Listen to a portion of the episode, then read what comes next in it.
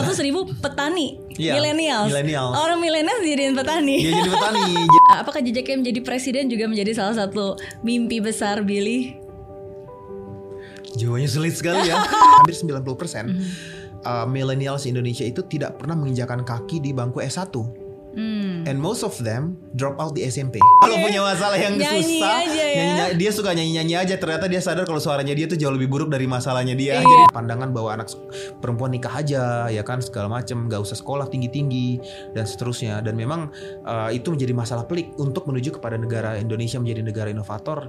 Ketimpangan ini harus kita selesaikan. Gitu. Apa titik terendah yang pernah Billy rasakan dalam hidup? Titik terendah yang saya rasakan dalam hidup adalah ketika orang tua saya nggak bisa hadir ke wisuda saya di Australia karena nggak ada biaya. Oke. Padahal saya sudah janji.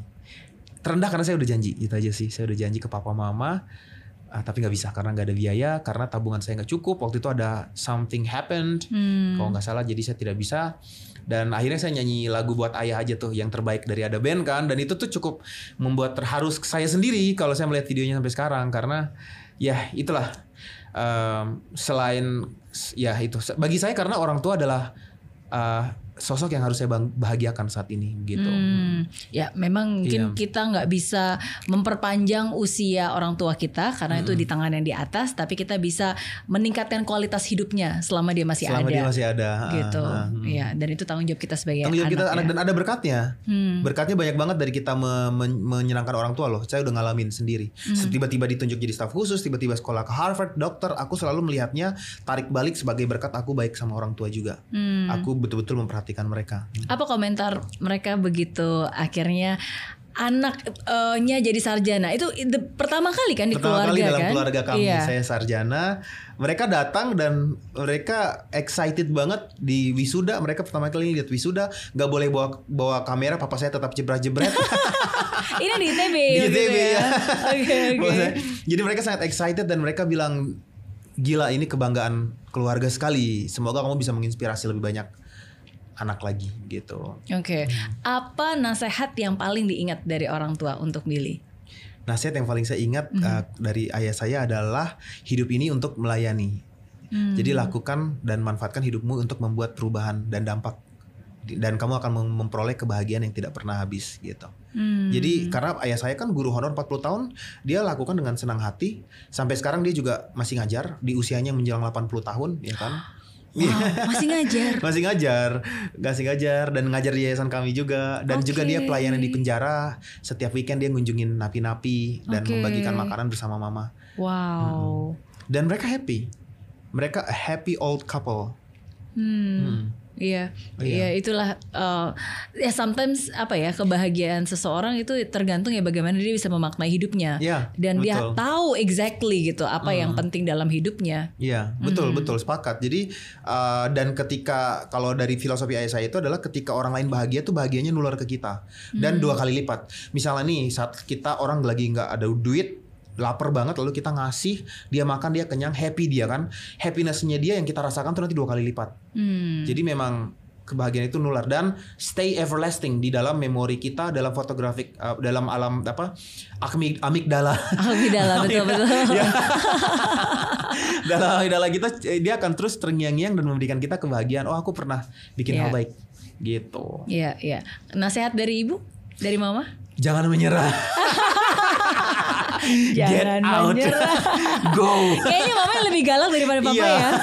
iya ya. iya, tapi aku memaknai gesturnya gitu. Jangan pulang, cepat kerjain nah. Itu artinya don't give up, don't give up, jangan menyerah, jangan menyerah, jangan menyerah Oke. gitu. Jadi Mereka my- galak cuma ke Billy doang atau ke, ke adik kakak yang lain ya kan lima kakak. bersaudara kan Mm-mm. kamu? Iya, ke semua lima-limanya galak banget yang Oh iya. galak abis ya. Oke, Mm. oke. Jadi Eh, ya. Jadi itulah Hmm, ya hmm. tough love-nya tadi Tough love, ya. iya. Tough Hmm. love. Oke. Nah, sekarang kan udah eh, banyak hal nih yang dilakukan oleh Billy. Eh, apa mimpi-mimpi selanjutnya yang pengen Billy raih? Mimpi-mimpi selanjutnya yang pengen Ya. aku raih adalah aku pengen uh, mengembangkan Yayasan Kitong Bisa ini menjadi sekolah yang memiliki kurikulum uh, yang dapat di menjadi acuan buat sekolah-sekolah lain tentang bagaimana bagaimana mendidik manusia, memanusiakan manusia untuk menjadi manusia yang seutuhnya berdasarkan kurang dan lebihnya. Terdengar sangat pedagogikal ya, pedagogikal dan sangat-sangat ini sangat filosofis. Yang kedua, saat ini aku juga sedang mendorong terbentuknya informal learning centers dari Sabang sampai Merauke agar bisa memberikan akses kepada anak-anak dari underprivileged Ya. uh, definisi underprivileged adalah mereka nggak punya supporting system untuk pendidikan mereka. Hmm. Jadi supporting system itu apa? Baik financial maupun orang tua yang mampu menyemangati mereka atau mendidik mereka. Hmm. Jadi informal learning centers ini saya kejar untuk berdiri di banyak tempat Oke. di provinsi dan saat ini kita sedang diskusi dengan berbagai pihak untuk me- melaunchingnya. Oke. Khususnya di daerah-daerah yang terluar. Indonesia Timur ya Indonesia kayaknya Timur. memang yang kayak Kitong bisa pun juga eh, sebenarnya awal mulanya lebih banyak dialokasikan untuk Indonesia Timur. Yes, betul. Mm, mm, Iya, di Indonesia iya. Timur. Oke, oke. Ya karena mungkin ya di situlah eh, yang benar-benar dibutuhkan ya. Exactly ya dibutuhkan dan itu yang dibutuhkan negara kita. Menuju kepada negara maju nanti kita membutuhkan 2002 2030 diperkirakan Indonesia akan menjadi negara kuat nomor lim- salah satu dari lima negara terkuat di Indonesia as long as Human Development Index kita berada pada rate yang sekarang. Dan eh, dan kita menuju kepada level sekarang kita kita di negara kelas menengah. Kita mau shifting ke negara maju nih. Untuk ke negara maju itu butuh inovator-inovator. Kita harus dari dari dari apa service based menjadi ke technology based Ya. kayak gitu kan. Ya. Nah, itu butuh manusia-manusia. Yang menjadi permasalahan adalah millennials milenial seperti saya dan Mbak Mary asik. Ya. Yang amin milenial selamanya tuh. yang um, memiliki akses terhadap sekolah privilege. Jumlah kita tuh ada 60 juta orang yang memiliki akses terhadap sekolah itu hanya 13% Hmm. sampai ke S1. Artinya 97 98%, sorry. Iya benar, 97 Iya. 9 eh, 87 87. 88 per- hampir 90 persen Mhm. uh, millennials Indonesia itu tidak pernah menginjakan kaki di bangku S1 Hmm. and most of them drop out di SMP. Hmm. Semuanya karena underprivileged tadi, Ya. Kondisi ekonomi Mungkin dan karena memang keterbatasan dia harus Keterbatasan. membantu orang tuanya untuk bekerja, Iya. menghidupi keluarganya, menafkahi dan mungkin ada beberapa yang perempuan juga sudah nikah, Iya. ya kan? Jadi kerjanya di dapur, di sumur, di betul kasur. betul betul ya, ya dan kan? terlebih perempuan jadi untuk ada satu anak laki-laki yang tidak bersekolah ada dua anak perempuan lain yang tidak bersekolah satu banding dua kayak gitu dengan pandangan bahwa anak perempuan nikah aja ya kan segala macam nggak usah sekolah tinggi tinggi dan seterusnya dan memang uh, itu menjadi masalah pelik untuk menuju kepada negara Indonesia menjadi negara inovator long way to go sebelum inequalities ini ketimpangan ini harus kita selesaikan. Nah, Oke. ketimpangan ini caranya dengan membuat informal learning centers tadi pusat-pusat belajar informal yang memberikan akses buat mereka Iya, belajar. iya, setuju, setuju. Karena eh, kalau saya bisa dari semua, kalau misalnya if you're talking about um, eh,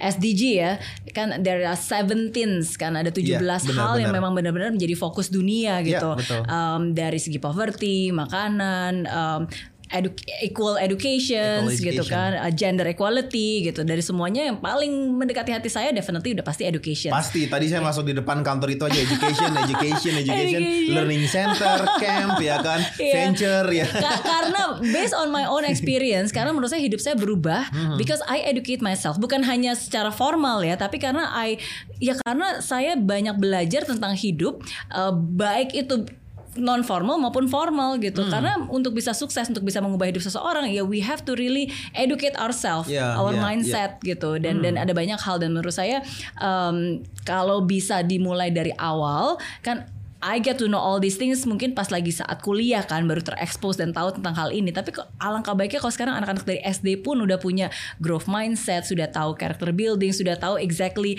how to appreciate life, being Yeah. tough at the same time Yeah. but not ambitious. Yeah. Tahu gimana caranya bisa punya ambisi Yes. tapi bisa tetap mengapresiasi apa pun hasilnya Yes. gitu. And to have that balance ya sesuatu yang kalau bisa diajarkan dari sejak dini Wow, it's going to solve a lot of future problem. Betul betul betul walaupun banyak yang mendebat bahwa hal itu life learnings itu bisa diajarkan secara formal itu masih debatable. Mhm. Kayak some people believe, some scholars believe bahwa anak-anak harus mengexperience-nya Iya. untuk baru menyadari, memahami. Exactly. Iya, ha. Makanya my way, my thinking, maksudnya correct me if I'm wrong. um, makanya bukan hanya kontennya, tapi konteksnya. Jadi Mhm. di sekolah itu bukan hanya ya of course kurikulum matters tapi ya how the teacher actually create that environment supaya mengkondisikan anaknya bisa mengexperience hal-hal yang tadi. Betul. Dan untuk ke situ butuh guru-guru dengan kualitas yang tinggi. And comes another problem di negara ini yaitu quality teachers. Iya, Guru-guru berkualitas yang harus kita selesaikan juga. Tapi benar, saya setuju. Betul, Sepakat betul. sekali. Hmm. Iya. Banyak PR-nya. Banyak PR-nya, tapi harus Iya. diselesaikan. Tapi banyak juga kok yang mau uh, turun tangan untuk melakukan itu semua. Ya, ya, Ya. puji Tuhan generasi muda Indonesia saat ini membuat saya begitu optimistis Hmm. bahwa negara ini akan menjadi negara hebat. Generasi muda zaman sekarang keren-keren sekali. Hmm. Eh, ketika saya berkeliling Indonesia dari Aceh, Sabang sampai Merauke, saya bertemu dengan pemimpin-pemimpin muda, young leaders, Ya. thought makers yang ada di berbagai sektor anak-anak di daerah. Keren-keren. Hmm. Talking about millennials, aku baru ingat kayaknya Billy punya program untuk membangun berapa? 100 ribu petani millennials. Oh iya, iya iya iya iya, I right? benar-benar. Betul, betul. Jadi Bener ya? Iya betul. 100 ribu petani Iya, millennials. millennials. Orang millennials jadiin petani. Iya jadi petani. Jadi tahun lalu, tahun 2020 saat pandemi COVID-19, satu-satunya sektor yang bertumbuh positif hanya pertanian loh. Plus 16%. Yang Oke. lainnya semuanya negatif dan merah. Oke. Dan satu-satunya sektor yang mengalami peningkatan tenaga kerja adalah pertanian. Hmm. Dan tenaga kerja yang paling banyak didominasi di tenaga di pertanian itu adalah anak muda. Hmm. Terjadi pen- peningkatan eh, anak muda. Tahu nggak kenapa? Karena mereka tadinya kerja di Jakarta, Bandung, Jogja, terus terlay off, harus pulang Ah, kampung oke. seperti saya. Pas di kampung apa yang bisa dikerjain? Bertani. Iya. Ya kan? Jadi terjadi growing numbers jumlah incidental farming anak-anak muda yang terpaksa harus bertani karena nggak ada pilihan lain untuk hidup. Nah mereka nggak punya skill kayak Hmm. gitu. Jadi sa- aku berpikir sama Pak Mentan Menteri Pertanian, let's do something about it kayak gitu. Muncullah angka yuk mereka kita kasih skill biar mereka Hmm. bisa um, bisa apa bisa bertani dengan tepat guna dan Oke. akhirnya ketahanan pangan negara kita juga meningkat kayak Iya, gitu. iya. Dan, mereka stay di di- kampung. Dan dengan digital sekarang ada banyak muncul tani hub dan yang Ya, lain-lain kan. Iya, iya dan negara-negara seperti Selandia Baru, Belanda itu mereka backbone ekonominya pertanian loh. Dan anak-anak mudanya loh yang bertani Iya. pakai apps, pakai drone ya kan. Nyiram bunga Iya, pakai iya. drone Iya, ya kan. Iya. Jadi em, awalnya mungkin millennials yang tadinya kerja di kota, eh, cuma gara-gara pandemik, akhirnya mereka ya udah pulang kampung.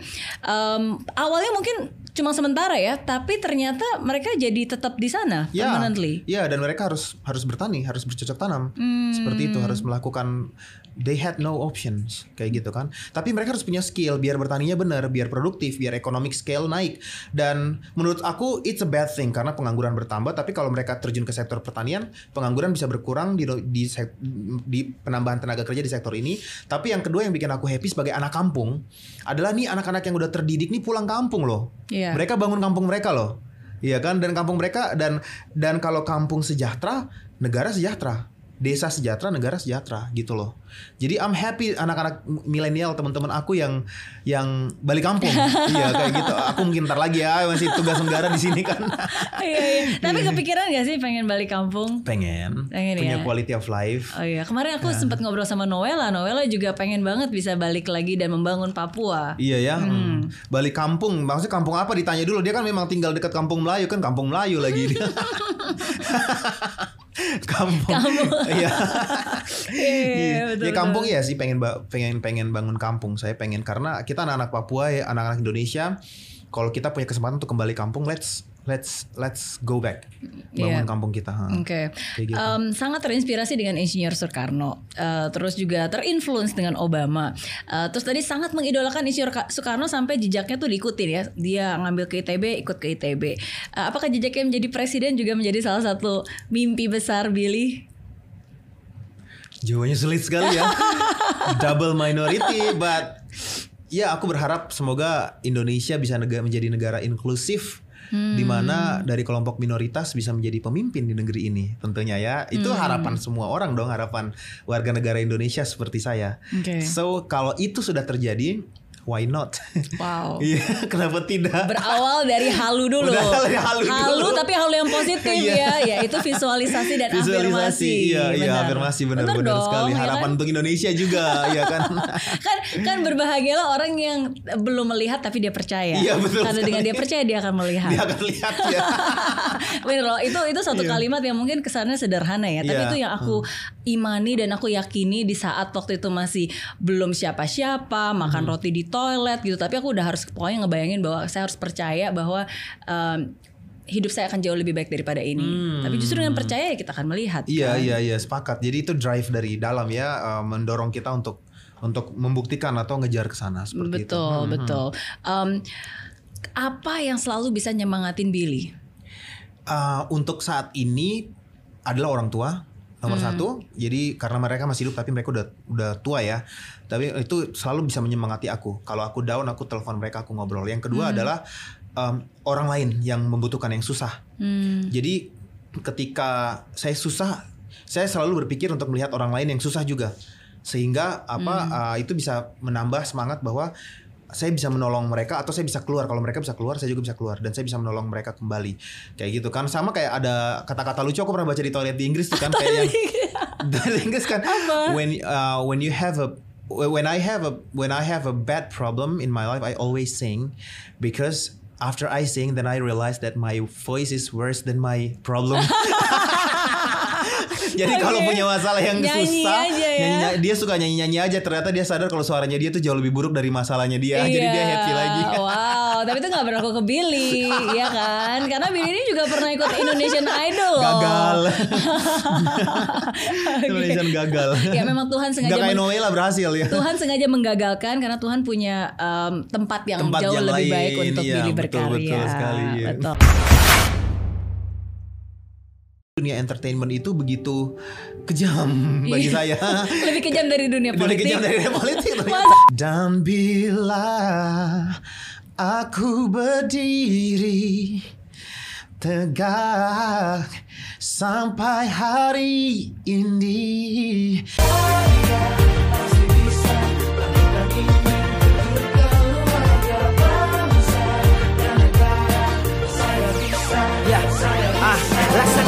tanpa hujan, hidup tanpa tujuan, kering dan mati tanpa hijaunya tumbuhan. Ah, demikian kalau mimpi tak kunjung terjadi.